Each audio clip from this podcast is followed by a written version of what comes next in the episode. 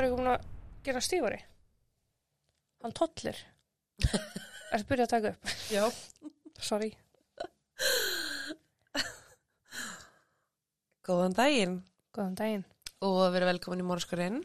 Þakka að verir. Ég heiti Þórdís. Ég heiti Jóhanna. Ég ætla bara að minna ykkur á afsláttakóðan okkar, samstarfsaðalinn okkar, skröpdæri Ísland, en inn á skröpdæriísland.is að þá getið fengið 15% afslátt með kóðanum morskurinn. Mikið rétt. Mikið rétt og ég mæli með. Já. Og ég vil líka bara uh, þving ykkur í að koma og fylgja okkur á samfélagsmiðlum, Mm -hmm. um, Instagram, morskurinn, Facebook, morskurinn, setjum svona flest allt inn á Instagram og við hvert eitt og einasta mál þá setjum við inn myndir, sönnugögn og, Mhm. og annað sem að er alveg skemmtilegt að skoða og sjá. Já. Og erum reglulega að setja eitthvað í stóri, einhverjar vangaveltur og umræður og alls konar. Eða expósa hver aðra. Já, og það líka. Um, en já, ég ætla þá bara að byrja þetta mál. David Paul Brown fættist þann 15. februar árið 1957 í Worcester, Massachusetts í sæmilega vennilegri fjölskyldu. Sæmilega vennilegri. Já. Ok. Hann var yngstur fjögur að barna fóruldra sinna og á ungum aldri byrjaði hann að sína merki um bara ósæmilega hegðun. Já. Þannig að sérst, allt við þess að vennilegu fjölskyldi er bara hann sem var ekki sæmileg. Já, já, já, ok, ok, ok. Eh, grunnskóla árunans gengu ekki vel þar sem að samnemyndum hans líkaði bara ekki sérstaklega vel við hann. En hann var bara, hann var mjög skrítinn og hann var svona gott betur en skrítinn, sko. Mm. Þú veist, hann var til dæmis, hann átti það til að vera kroppa í eitt svona sár sem hann var með og sjúa blóðið úr sárinu og sérst, endur tók þetta alltaf aftur og aftur þannig að um leið og var að byrja að gróa ný Já, þá kroppaði það af og byrjaði að sjúa blóðið. Ok. Ég veit ekki hvort það sé eitthvað sem að 6-7 ára gömul börn er að gera en mm. Mm. hann var bara með eitthvað svona óþægilega nærveru. Já, ég skilji. Já. Kennarar höfðu miklar ágjur af hegðun hans og það var bara oft sem að skólinn ringdi móður hans til að segja henni frá bara þessari hegðun. Já, og var eða bara svona svolítið að kvarta og Mm. byggja þau um að stíga inni og gera eitthvað. ok. Og þrátt fyrir þessu endalösu kvartanir í fóreldrana að þá bara breyttist ekki neitt. Næ. Árið 1964 fekk hann svona útjaborð. Já, Já, í ammæliskjöf. Útjaborð er raun bara svona til að skoða framtíðina. er þetta ekki hérna, hvað hétt þetta? Andaglas. Andaglas. Já, Já. í rauninni. Ég veit ekki alveg okkur þú ert að gefa uh, sjöra batni það, en allavega hann fekk það í ammæliskjöf Já, og sagt, seint í júli sama ár þá bauð hann fimm ára nákvæmna sínum sem stelpu, þá þetta mál er ekki að fara neitt.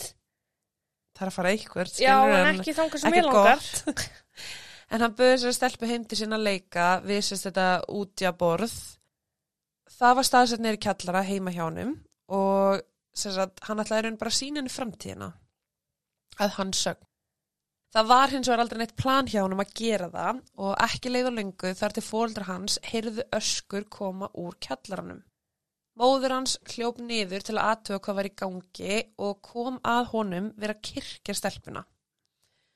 Sjóra, Já, gamall. Þannig að litli sjóra David fekk í raun ekkert mikla refsingu fyrir þetta annað en alltaf bara tiltal frá fóreldra sinum um hvað var rétt og ránt. Hvað? þetta myndi bara einu sögum með Lára sem var. Myndi þetta þig á bróðir þinn? Nei, sko, þegar að Láru, þegar ég var 6 eða 7 ára, þá sett ég plástur yfir geirvörtunar á Láru sem var Já. og Láru sem fór grænjandi mömmu og sagði ég var að reyna að brepa hann af því að þetta voru andagötur hans sem hann andaði með geirvörtunar, hann held hann andaði þetta voru loftgött, og hann held hann andaði með geirvörtunum á sér. Ok, þessi saga var svolítið öðru Já, var en þú veist, þetta bara poppa upp í hausinu mér Ég- Já, Hún var að reyna að brepa mig, mamma. Ó, það er þetta mjög gott. Um, með David eftir þetta atvik að þá var í raun aldrei fengin en aðstóð fyrir hann. Þú veist, þetta var alveg bara sópandi teppið og bara Eh. halda fram í lífið. Ok. Já, þú veist, þetta var bara svona, hei, þetta má ekki gera. Ó, ó. Og svo, herðu, er kvöldmatt? Já. Shit. Árið 1970 þá var hann 13 ára gamall og var í raun bara að byrja með þessa tálbeituleiki aftur. Ok. Hann reyndi þá að lokka sexar og drengur hverfinu sérst, upp á hól sem að stóð rétt hjá húsun hans en þegar þangað var komið þá misnóta hann drengin. Þannig að skipta ekki máli hvort þessi strákur eða stelpa. Nei. Ok. Hann hafði upprunalega sagt drengnum að þeir getur farið sérst, upp á hól til að fara á sleða. Já. Það var ekkert úr því. Og svona hegðun heldur hann bara svolítið áfram í gegnum úlningsárun hans og hann bara í hver skipti kemst hann upp með þetta. Mm. Það er enginn hann að stoppa hann og bara hann heldur áfram. Svo er alltaf bara tiltal, skam skam. Ekki Já. gera þetta aftur. Þetta er ekki, það er ekki leiðin. Nei, það er ekki liðin. Nokkrum árum síðar þá reyndan að lokka tvo drengi sérst, í kirkjugarð með það í huga að drepa þá. Hann hafði klift stafi úr tímariti, samið sérst, svona miða og bóði drengjunum 20 dollara. Einn piltana leið illa og tókst að sannfæra hinn um að koma með sér heim. Veist, þetta var bara allir orðið eitthvað skrítið, Já. þú veist, og allir er eitthvað úlingur að draga okkur inn í kirkjugarð og þeir bara, "Oh, nei, not having it, og fóru. Og sérst, mæður þeirra ákveður sérst að þau vildi ekki leggja fram kæru. Ok. Þau vildu frekar að David myndi frá fá sérst að aðstóð frá geðleiknum í staðan fyrir að fara í gegnum réttakerfið, en það var hann bara 15 ára þegar þetta var að gerast. Já, mitt. Árið 1975 var David á síðasta árinu sinni í mentaskóla og var þá 17 ára gamall. Hann ákvaði að klæða sig upp sem lauruglumæður og vildi í raun bara ná aðtegli ungra stráka á svæðinu og þetta er bara svona stigmagna svolítið mikið. Þú veist, hann byrjar á kirkingu ykkur starf Mm og nú er hann bara búin að búa til eitthvað plan í kringum þetta. -hmm. Þannig að hann klæði sig upp sem lauruglumæður og fyrir náttúrulega bara að svima, svip, Svipast. Já, vonandi svona sveimar honum í leiðinni að þín er ógeð. En í þetta skipti þá hitt hann átt ára Richard O'Connor og eftir að hafa samfært hann um að hann sé lauruglumæður þá tókst hann um að fá hann með sér upp í bíl. Hann ákvaði þetta skipti að samina tvær fyrri árásir og bæði kyrti og misnotaði Richard. Það kom fyrir að nágranni var fyrir tilviljun að horfa út úr gluggan á heimilinu sínu þegar hann sá mannranni gerast og ringdi laurugluna og David var sem sagt handtekinn og í kjölfari fekk hann aðeins eins árs skilásbyndi fangilsi. Ekki leið og löngu þar til hann var byrjar á ný en næst þá reynda nýjóra gamalli stúlku Mari Patrón. David óg til Hartford í Connecticut nokkru dögum eftir hann útskrifaðist úr mentarskóla og enn og aftur þá klætti hann sig upp sem lögregluþjón og náði að ræna ungu stúlkunni. Hún varð fyrir líkamsárás og barðist töluvert við David. Hann sérst bara kifti hann upp í bíl hjá sér og fyrir algjöru tilviljun þá var eitthvað vittni sem hann náði bílnúmerinn hans. Mm. Hann var enn á ný handtekinn fyrir mannrán og fyrir líkamsárás en það var raun ekkert haft samband við skilósfulltrúan hans og engin ákjæra barst lauruglunni svo í raun slapp hann með skrekkin. Já. Þetta er bara á blaði kynfyrs ábrotamæður sem er hættulegur augljóslega og er enn í verki og ekki búin að læra raskat Mm og það er einhvern veginn bara eitthvað svona æ, þú veist, enginn tala við neitt og Engin að gera neitt í þessu. skam skam, Já. já sem er ógeðslega pyrrandi Mm Sérstaklega þetta er maður sem hefur ekkert að gera út í samfélaginu, sko. ekki neitt sko í mæ árið 1976 var David látin laus sagt, uh, úr skilorði sem hann var á og fekk bref þar sem hún var þakka fyrir samstarfið en það hafði hann staði segi ægilega vel að þeirra mati þau náttúrulega fengið eitthvað fregnir að því hvað hann var að gera þarna hinum einn Já. Í september ári síðar rændi hann tveimur drengjum úr kvikmyndahúsi eftir að hafa enn og aftur sagst vera lauruglumæður og fulltrúi á vegum FBI. Hann sagði piltanum að þeir voru handteknir, hann handjárnaði þá, tók þá afskett svæði og beittið af kynferðislegu ofbeldi. David kæfði einn drengjana með því að setjast á hann og David var sérst á þessum tíma 170 kíló. Ok. Já, hann bara settist á hann og getur ekki fyndið Nei. En þú veist, já, allavega.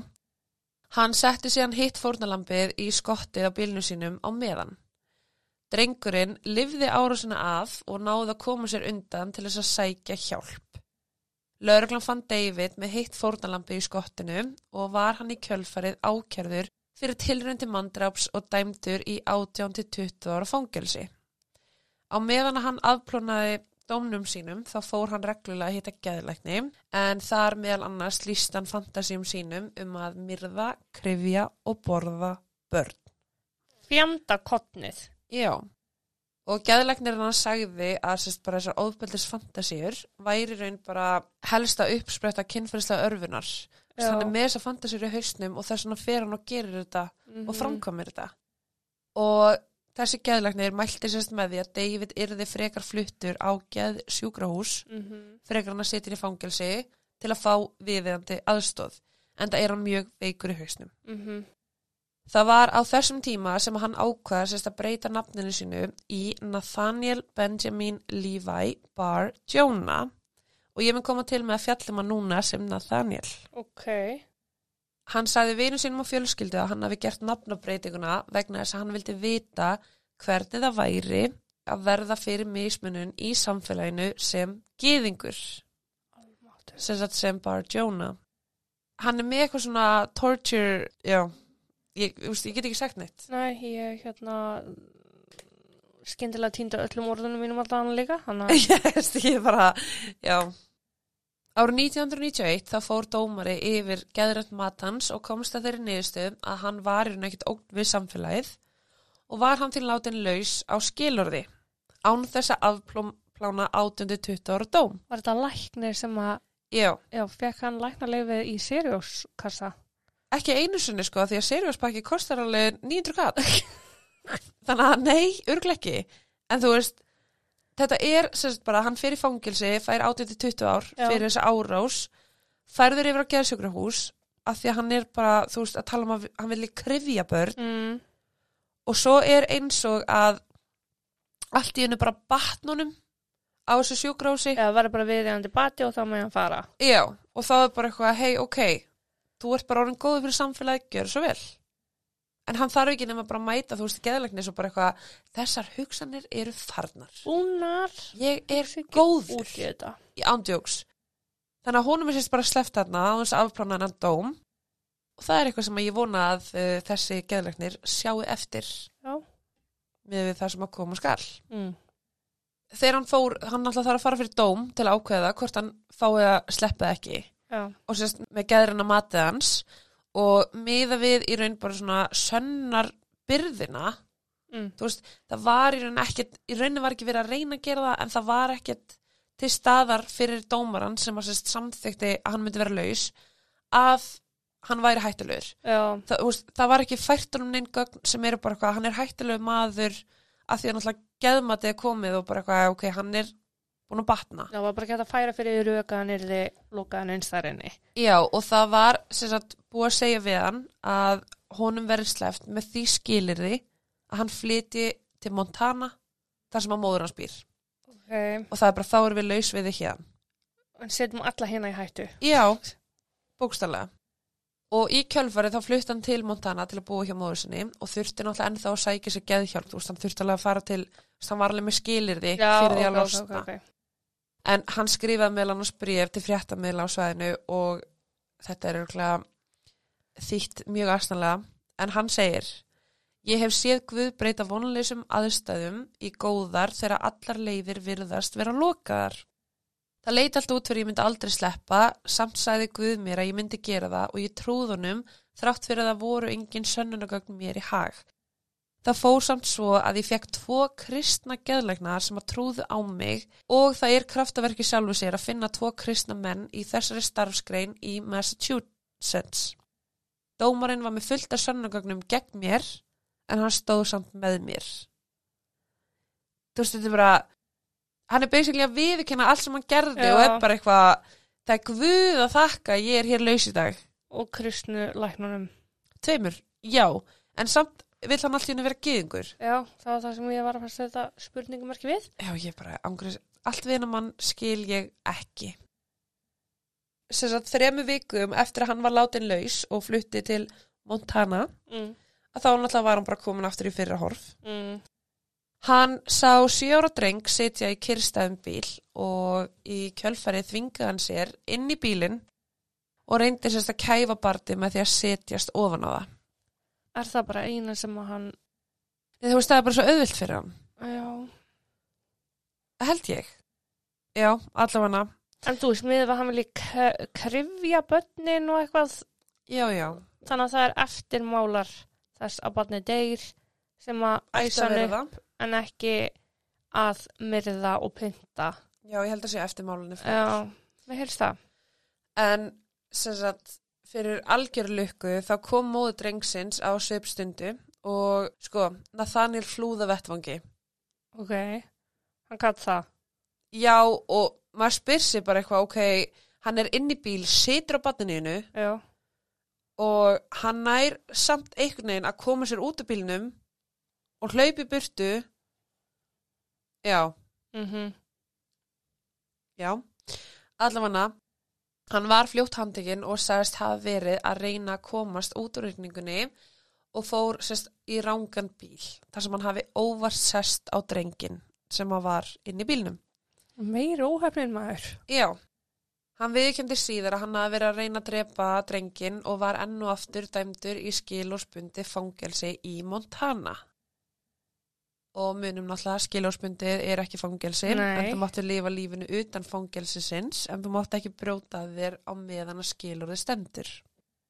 Eftir handtökuna þá mistókst dómstólum í Massachusetts að fylgja eftir málun hans og hann þurfti þó ekki að skrá sig sem kynferðisafbrotamann í Montana þrátt fyrir að hann væri á skilorði fyrir akkurat það. Hversu illa er þetta klúðra?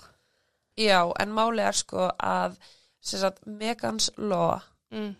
voru enn til umræðu á þessum tíma og Bill Clinton, fórseti, hafði ekkert skrifað undir þau þar sem að það voru nokkru mánur í að þau myndi taka gildi sagt, þegar þetta er að gerast. Já, En meganslói er bara heiti á allríkislöfum í bandaríkjunum sem að krefjast þess að lögjastlu yfirvöld geri upplýsingar aðgengilegar almenningi varandi skráða kynfyrirsafbrotamenn á svæðinu. Mhm. Og þau voru sem stopnu í kjölfar morsi sem Megan Kanka en ára 94 var 7 ára Megan nöðgað og lokum myrt af nágrunna sínum, Jesse, eftir að hann hafi náða lokkana inn í húsi sitt. Mm.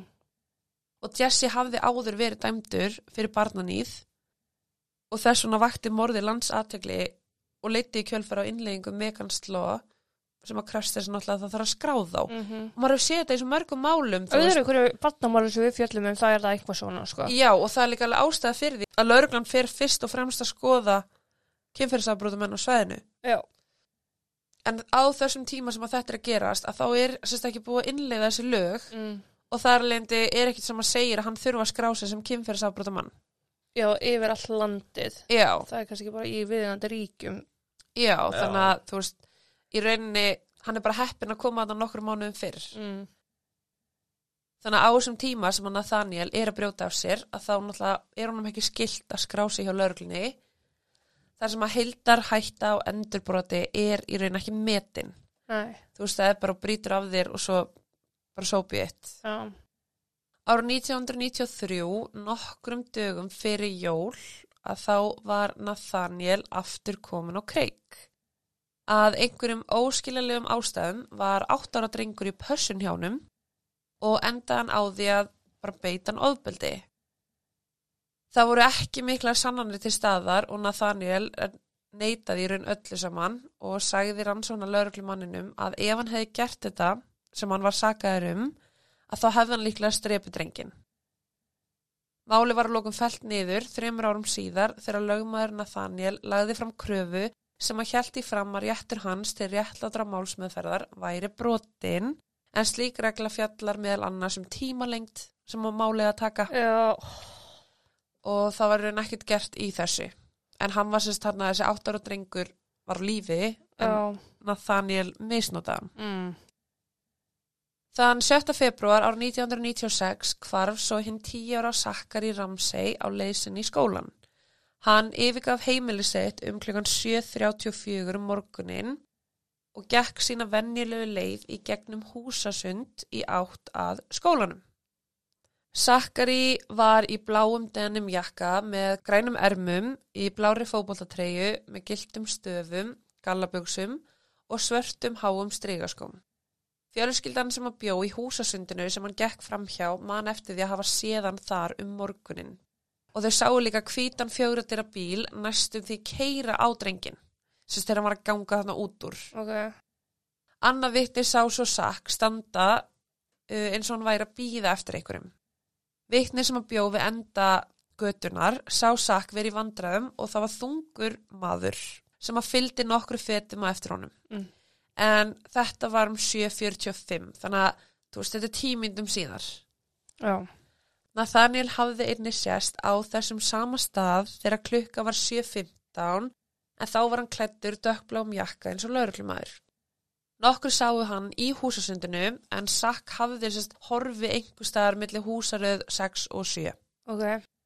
Þegar Sack skilaði sér ekki skólan þá var haft samband við fóreldra hans og lögðu þau strax fram tilkynningu um týndan aðila til lauruglunar. Það var bókstælega ekkert sem að kom út úr rannsók lauruglu og Sack var úrskurðaður látin árið 2011 af dómara. Mm. Rannsóknir í gegnum árin sína að á þessum tíma hafði Nathaniel beinan aðgang að hvíta fjögradeyra 1978 Toyota Corolla bílmóðusinnar. Móður hans og bróðir voru út í bænum í jarðaför daginn sem að sakk hvarf og Nathaniel mætti ekki vinnuna þennan dag nýja nokkra daga á eftir sem bara mjög skrítið. Já. Fyrrum meðlegandi hann sagðist að hafa fundið föt í íbúinu þeirra sem hann passaði við lýsinguna á fatnaðinum sem að sakk klættist morgunin sem hann hvarf og þessi sami sambilismæður sagði einnig að hann hafi fundið blóðuga hanska. Ok. Snemma í rannsókninni hafði lauruglan fengið ábyrtingu í máli sakk en vörubílstjóri sem að var dæmdur kynfyrirsafbrótamaður var að tala um sakk við tollverði á landamæri Montana og Kanada og tollverðurinn hafði strax samband við lauruglu og sérst, þessi aðili var handtekinn í kjölfarið og FBI leitaði sérst í bílnum hans og tók einni nokkur síni og fingraför úr bílnum. Ok. Þú veist því hann er allt einu bara eitthvað á tala með hann dreng af hverju. Já. Vörubílstjórin enda á því að játa hafa rænt sakk en það reyndist bara að vera eintóm lígi. Sönnunagögnin sem að tekin voru úr bílnum voru öll sendi greiningu og skiluðu engum árangri við leitina að sakk og höfðu þar leiðandi engin tengsl við hvarfið hans. Einni kom í ljós að vörubílinn hafði bilað og það var verið að gera við hann um 241 km frá sest, svæðinu morgunin sem að sakk hvarf. Mm. Þannig að hann var ekki eins og naðna. Þannig að þú veist, með þetta er búið í raun að einblýna bara svona tunnel vision Já. algjörlega á þannig vörubílstjóra skoða bílinn, gera þetta, sendi greiningu darara og meðan, þú veist, Hefðu getað eitt tíman sem ég já allt annað. er ekki eins og verið að skoða neitt annað í kring Nei. sem er ógeðslega pyrrandi Ógeðslega algengt líka samt. já, þú veist, það er einhvern veginn bara þessi líklegastur, let's go Já. það er ekki alltaf svo líklegasti Og leggjum allt í það þá. já, Þar til að annað kemur ljós. Akkurat. En að morgni 13. desember árið 1999 var lauruglumæður að keiri vinnuna þegar hann sá Nathaniel ganga nokkrar húsaræðir frá grunnskólanum. Hún fannst það mjög skrítið að sjá sérst mann í lauruglujakka ganga um svæðið og kannast ekkit við hann, var ekkit eitthvað, hei, þetta er já, Billy, skilur við. Þannig að hann fór í kjölfæri og talaði við hann og hann tók hann fyrir að hafa klætt sig upp í ríkisbúning. Já. Tveimur dögum síðar fór lauruglan heim til Nathaniel og gerði leit heima hjá honum. Og þeir lögðu hald á ýmsa hluti þar, en þar meðal var blár lauruglufrakki, það var silfurlitur leikfangabissa, það var laurugluskjöldur, uh, það var stönnmaster rafbissa, það var derhúa með merkinu Security Enforcement, það voru tvær einnóta myndavelar, tvö myndaalbum með úrklippum af börnum, uh, bara fjöldi mynda Já. á staðnum. Lörglan fann sér að þúsundir mynda af börnum og nokkrar blaða úrklippur um hvarf sakk. Það fannst einu dullkóðaður listi með yfir 54 nöfnum á sér að töldum fórnalömbum hans. Mm. 54 börn. Meðal annars á sem lista var nafnið Zachary Ramsey og fyrir aftan nafnið stóð Died. Mm. Uh, sem og á þessum lista voru tvö börn sem að byggu sérst íbúinni fyrir ofanan. Mm. Lörglann sagði að 27 af þessum nöfnum sem að voru listanum hafi raun verið börn sem að Nathaniel ólst upp með í bænum Webster. Ok. Og það eru vísbendingar um hann hafi ferðast til Arkansas, Colorado, Florida, Massachusetts, Michigan og Washington. Að misnota börn. Já. Lörglann hefur einni sannanni fyrir því að hann hafi nokkur sinnum farið yfir landamærin til Kanada. Og Montana er alltaf bara upp við Kanada. Já, og þetta gerir einn rannsóknina mjög erfiða, en það eru mjög mörg fylgja ræða Já. og þú veist, FBI hefur frá því að þeir sérst fundu þetta, það er ekkert eðlilegt að fara hinn til einhvers, finna lista af einhverjum börnum fyrir aftur þeirra stendur dæt og plussa Sakuri Ramsey er náttúrulega einn af þeim sem er týndur Já, mitt. Og finna allar þessar myndir. Það er líka bara að lista þess að þú finnur heim með fólki er yfirle- yfirleitt, þú veist, mjólk, brauð, Já, mjör, uh, þrýfa þetta. Já. Já, þú veist. FBI fór sérst bara í það að skoða týnbörn á öllum þessu stöðum bara til að svona aðtöga og sjá geta þau borðið þetta saman við listan í honum þú veist hvað börn er þetta sem að, sem að hann er búin að skrifa niður heima á sér Já. um, það fannst einnig svona vél heima hjá honum sem var notuð fyrir sjálf erotískar eða masókískar aðferðir uh, Stór munur þar á. Já, ok. þetta er sem sagt í raun bæði samt af því að þetta er sem sagt hannig að vélinn þrengir að hálsunum á þér sem að veldur köpnun að hluta Ok. sem að á að auka kynfyrslega ánægju Ok, ok, og framkalla fullnægingu. Þannig að þetta er svona, já, já. Uh, það fundust einnig sérst, mannsbein í bílskurnum manns sem að tilherðu óþættu barni en sérst, með því að nota uh, DNA þá kom í ljós að þetta voru sérst, tveir mismunandi strákar af afrískum amerískum uppruna hvoru þeirra var sakk. Ó. Það fundust einnig nokkuð blöð af dullkóðum texta sem að FBI vann hörðum höndum í að leysa. Eftir streytulösa vinnu þá tókst þeim það en þar hafði Nathaniel skrifað um pyntingar og morð á nokkrum ungum strákum. En það var líka annað þarna. Það voru uppskriftir af því hvernig best væri að elda mannakjött. Þá aðalega uppskriftir af sérst bara réttum sem að innihjeldu parta úr börnum. Þetta bara eru orð sem er ekki heima saman í setningu.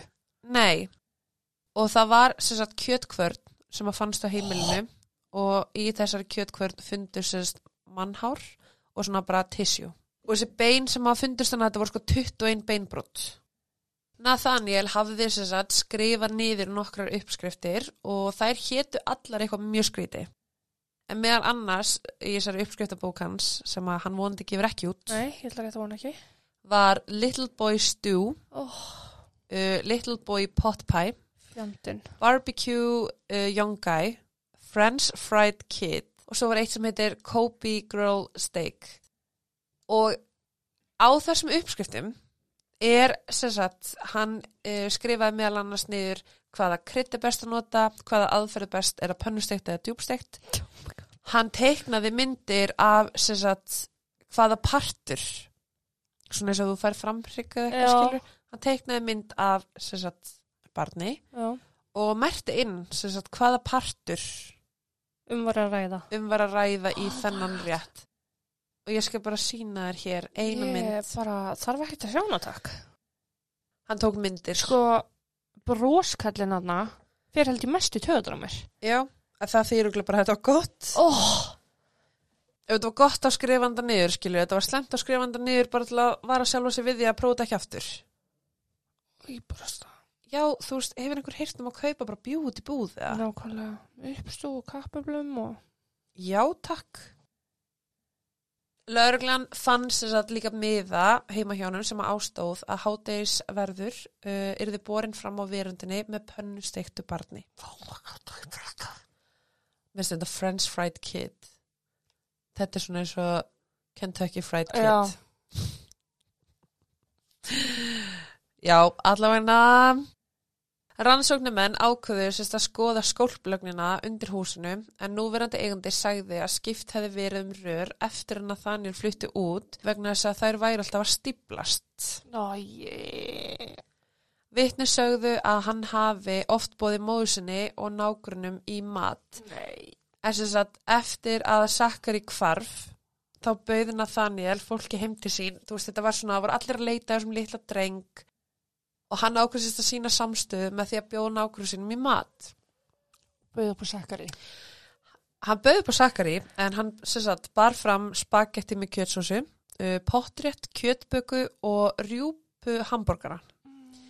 Fólki sem að mætti veisluna sagði lauruglu að kjötið hafi verið frekar undarlegt og seikt á bræðið og sömur gestur spurðu mér sann að Þanil hvað kjötið þetta væri og hann sagði sérst, að hann hafi nýlega verið að veiða dátýr og þetta væri sérst dátýra kjöt. Lauruglan skoðaði skráruna Þanil og komst að þeirri niðurstöðu að hann hefði ekki keift neitt kjöt í matveruverslun í næstu mánuð eftir að sakkvarf og hann var ekki með veiðileifi og átti ekki byssu. Mm. En þú veist, kannski var hann bara með nóg kjöt við höndina, hann þurfti náttúrulega ekki að fara út í búð. Maður spyr sig. Við spurðum á Instagram hvað fólk gæti alls ekki og algengast af voru, þú veist, limlestingar og svona hlutir, sko. Það var enginn sem að sagði þegar börn eru getið. Þegar börn eru matreitt. Nei, en ég ætla að fara að segja að það er komið efst á minn lista núna, sko. Og ég ætla þannig ekki að hafa neitt að þessu í matinu eftir. Þú bara spagetti, hakk og spagetti og skemmaði fyrir mér, sko. Ég verður það góð. Þú veist hvað heldur þetta að veri framtrykkurinn hans eða bringan eða... Oh my god, ég veit það ekki. Öðruglega bara sittlið það hverju. Já, var, þetta, var, þetta var mjög mikið skipulag sko. Þú veist, þetta var bara, ef þetta var fótleikurinn þá var þetta sko teiknaður fótleikurinn bara hvar kjötið kom. Það var kálfin, þú veist, það var þetta lærið, þá munur. Oh. Hver partur bræðast ekki eins. En lauruglan fann sér satt líka bara í bílskurðum hans svona stóran, svona krossviðarbút í raunni Já, sem var náttúrulega bara blettóttur og ljóst var að hann hafi verið skrúpar með klóri og þetta svæðið hafi sérst verið notað sem skurðbretti en það voru náttúrulega bara för til staðar. Já. þannig að í raun þessi stóri krossviða bútur þar var bara, þú veist, hann er að krifja börnin sko, Hvernig er hægt að gera batni þetta? ég, ég skilði það ekki sko. Líka bara fyrst þegar hann gerði eitthvað þá var hann sjö ára gamall. Já, þú veist, jú, jú, börn eru börn og allt þetta og kunna kannski ekki hvað er rétt og rámt og allt það, en sjö ára og þú ert að kirkja einhverja sem úr búin að lokka heimtíðin, mm það er ekki lægi. Neip. Luminol prófun leiti ljós að orðið títa uh, hafði sérst einhvern mann verið skrifað á gólfið en það var strax tengt við James Tita sem var 15 ára drengur sem var nöðgað og fann síðan kyrtur í New Hampshire árið 1973. Þannig að fórtanlöfin er alltaf bætast við, sko. Þetta er Ok, ekki bara það, en það fannst. Hann fannst, Ok. Þú veist, drengurinn fannst, Mm. látin og það var bara óupplýst. Já, ok. Og svo allt í hennu eru þau búin að finna hérna Tita Já. og bara eitthvað, ok, við tengjum þetta saman því hann var að flakka um allt. Já, Nathaniel hafði henni tala nokkur sinnum um Sakkur í varna fólk þar á meðal eitt skipti þegar hann sagði að Sakk myndi aldrei finnast vegna þess að hann hafi verið skorinn í marga bita og líka spartanir hans væru bara út um allt. Hann hafi farið með part hér, part hér, part hér í rauninni átan þetta. já. Þannig að væntalega er hann ekki fara að finnast.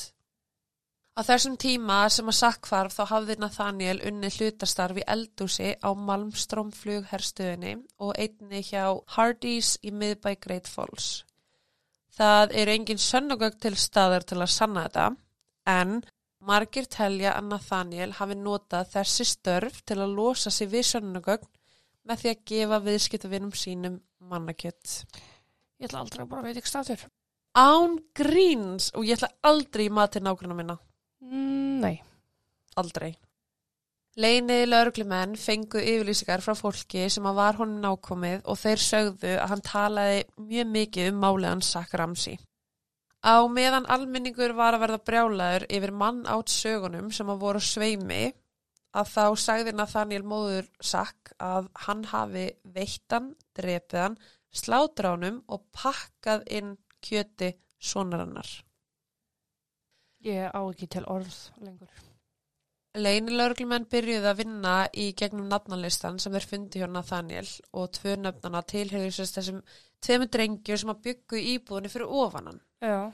Drengirnir höfðu báðir sögur af kynferðsóbildi að hálfu Nathaniel og myndir af þeim höfðu einni fundist. Og myndir, það eru sko, það fundust ótal myndir sem eru náttúrulega bara ekki aðgengilegar almenningi en þetta er, við getum ímyndað okkur að þetta eru ógeðslega myndir Já. sem er ekki heimann einstar og hefðu aldrei átt að gerast.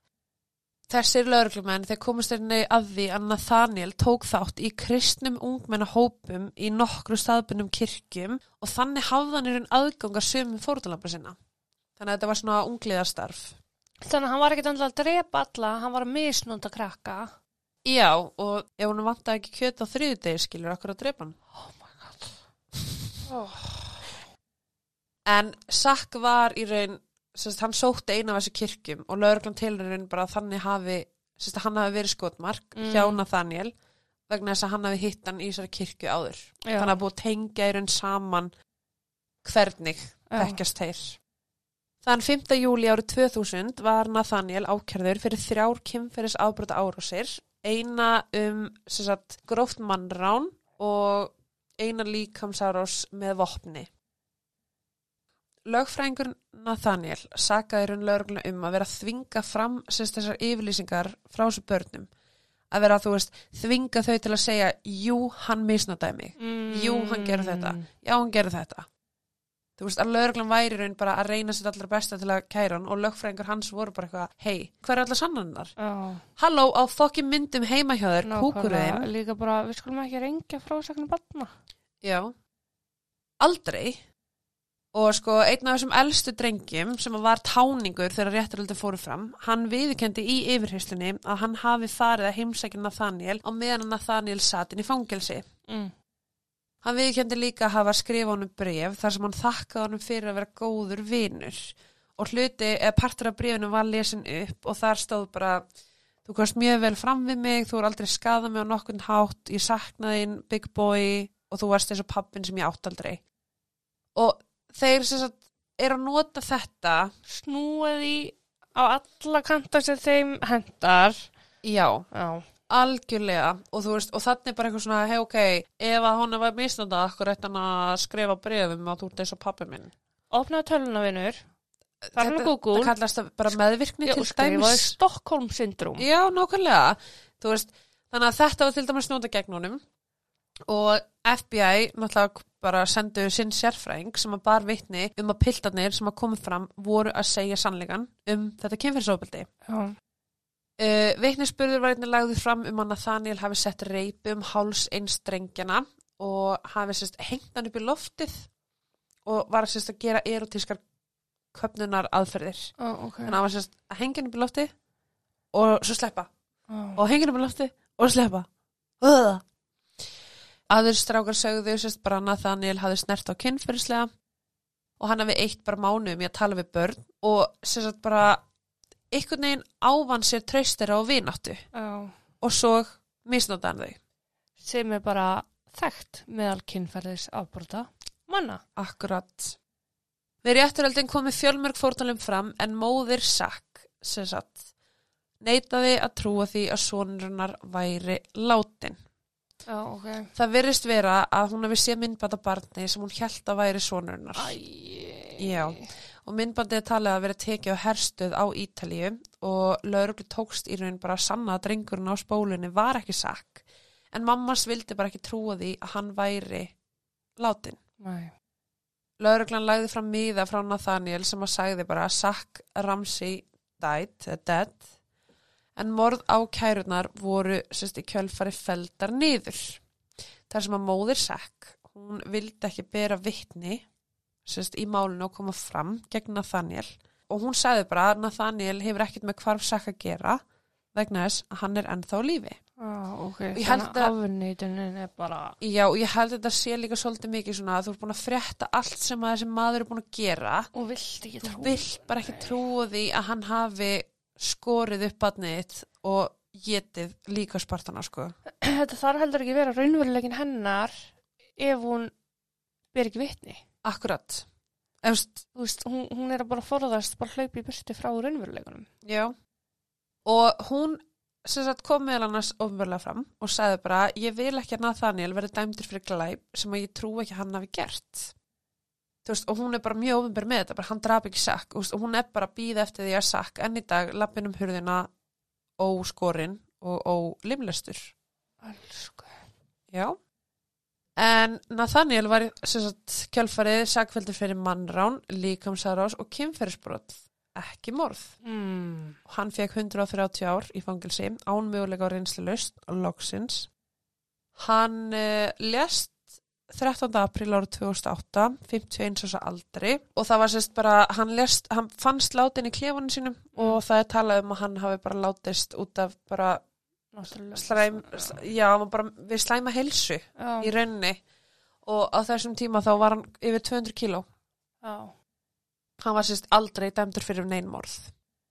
Fórnalömb Nathaniel voru bara börn og aldrin 5-15 ára. Í flestum glæpum sínum ók hann hvítum bíl, klættur í bara svona lauruglu útlit Mm. og var með leikfangabissu og lauruglumerki á sér. Eftir að hafa komið fórnalömbu sínum í bílinn þá ók hann á afskektan stað, stöðvaði bílinn og naukaði börnunum. Hann reyndi síðan að drepa þau með því að kirkja þau eða kæfa með eigin líkamsþyngd. Og það er sem að tala um að fórnarlömpin hans, þá voru náttúrulega hann að 54 nöfnum lista, Já. Og það er að búið að setja út bara svona lista yfir í raun staðfest fórnarlömp. Þá er talað um að sjö ára Janice Catherine Pocket, hún hafi sérst horfið uh, árið 1973 Mm. og það er, hún hefur aldrei fundist. Það er talað að hún sé til dæmis einn að Þá fór, var hann 14 ára. já, jeps, hann byrjaði náttúrulega bara sjö ára. Já, shit. Um, það er náttúrulega að tala um James Tita sem ég talaði um á hann, uh, Mari Patrón, uh, Richard O'Connor, það bara Sack og svo er Amanda Dawn Gallion, 14 ára, hún hvar var 97 og hefur aldrei fundist. Og það er einn bara að tala um að hann hafi einnig, þú veist, verið bara viðriðin mörgmorð í Montana. Já. einnig, þar sem hann alltaf var ekki skráður. Hann tala líka um Kobe Girl Steak. Já. E, það er talið að bara fjöldi barna sem að hann bæði annarkvort sem sagt bara myrti Mm. og átt eða bara réðst á að þau séu mitt yfir 40, nei 54 þessi listi sem að fannst heima Já, um, já. það er talið að hvert eitt og einasta barna á þessum lista Já. hafi orðið fyrir árás að hans hálfu. Þetta er allt dullkóðað náttúrulega Mm. hjá honum og lögreglan er, þú veist, bara að vinna að því að, að var að vinna að því að finna út Já, svona dulkóðun eitthvað. já, þú veist, þetta er bara eitthvað Ég skil ekki fólk sem að býr til dulkóðunir. Ég man ekki líkilorðu mín. Nei, hvernig skilur hann það sjálfur? Og hvernig man hann þetta? Já.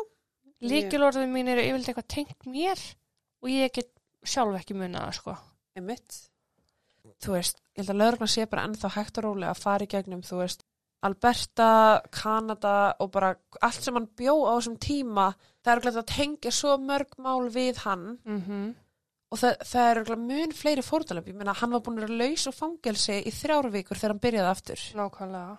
hann var ekki búin að fara út í búð í hann mánuð ef hann borða daglega, maðurinn er 200 kíló, Mm hann borða daglega hann er ekki búin að fara út í búð að versla Nei. hvað áttu mikið kjöt á lagar Heilan sakkar í allana. heilan sakkari sem er barn Já.